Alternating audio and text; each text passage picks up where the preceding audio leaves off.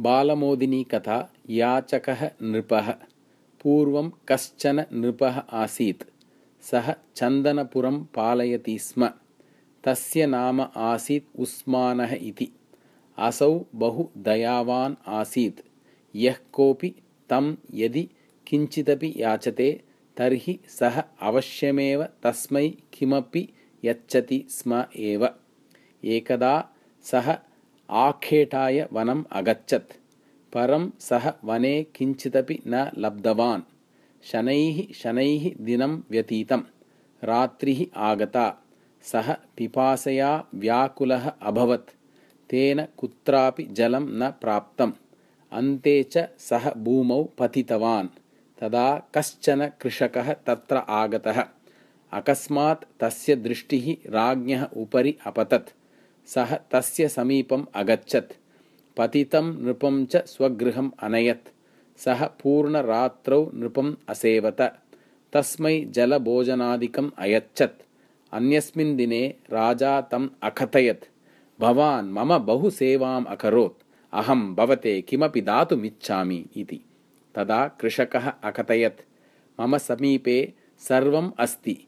यदि किमपि वस्तु आवश्यकं भविष्यति तर्हि अहम् अवश्यम् एव भवतः प्रासादम् आगमिष्यामि इति। एतत् श्रुत्वा राजा ततः प्रासादं प्रति गतवान्।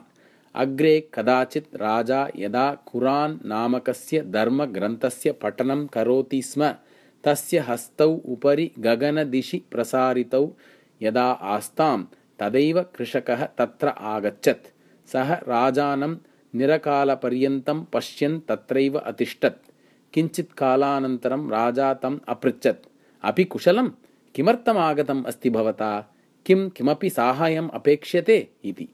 तदा कृषकः अवदत् प्रभो भवतः दयया सर्वं कुशलमेव। मम कश्चन सन्देहः भवान् हस्तौ उन्नीय किं करोति इति इति।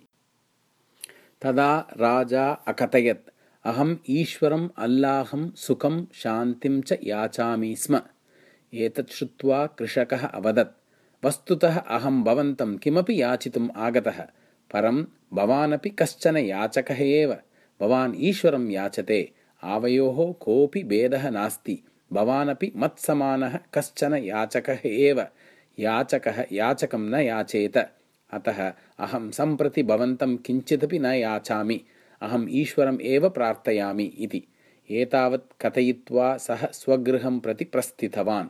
राजा च मूकः अभवत्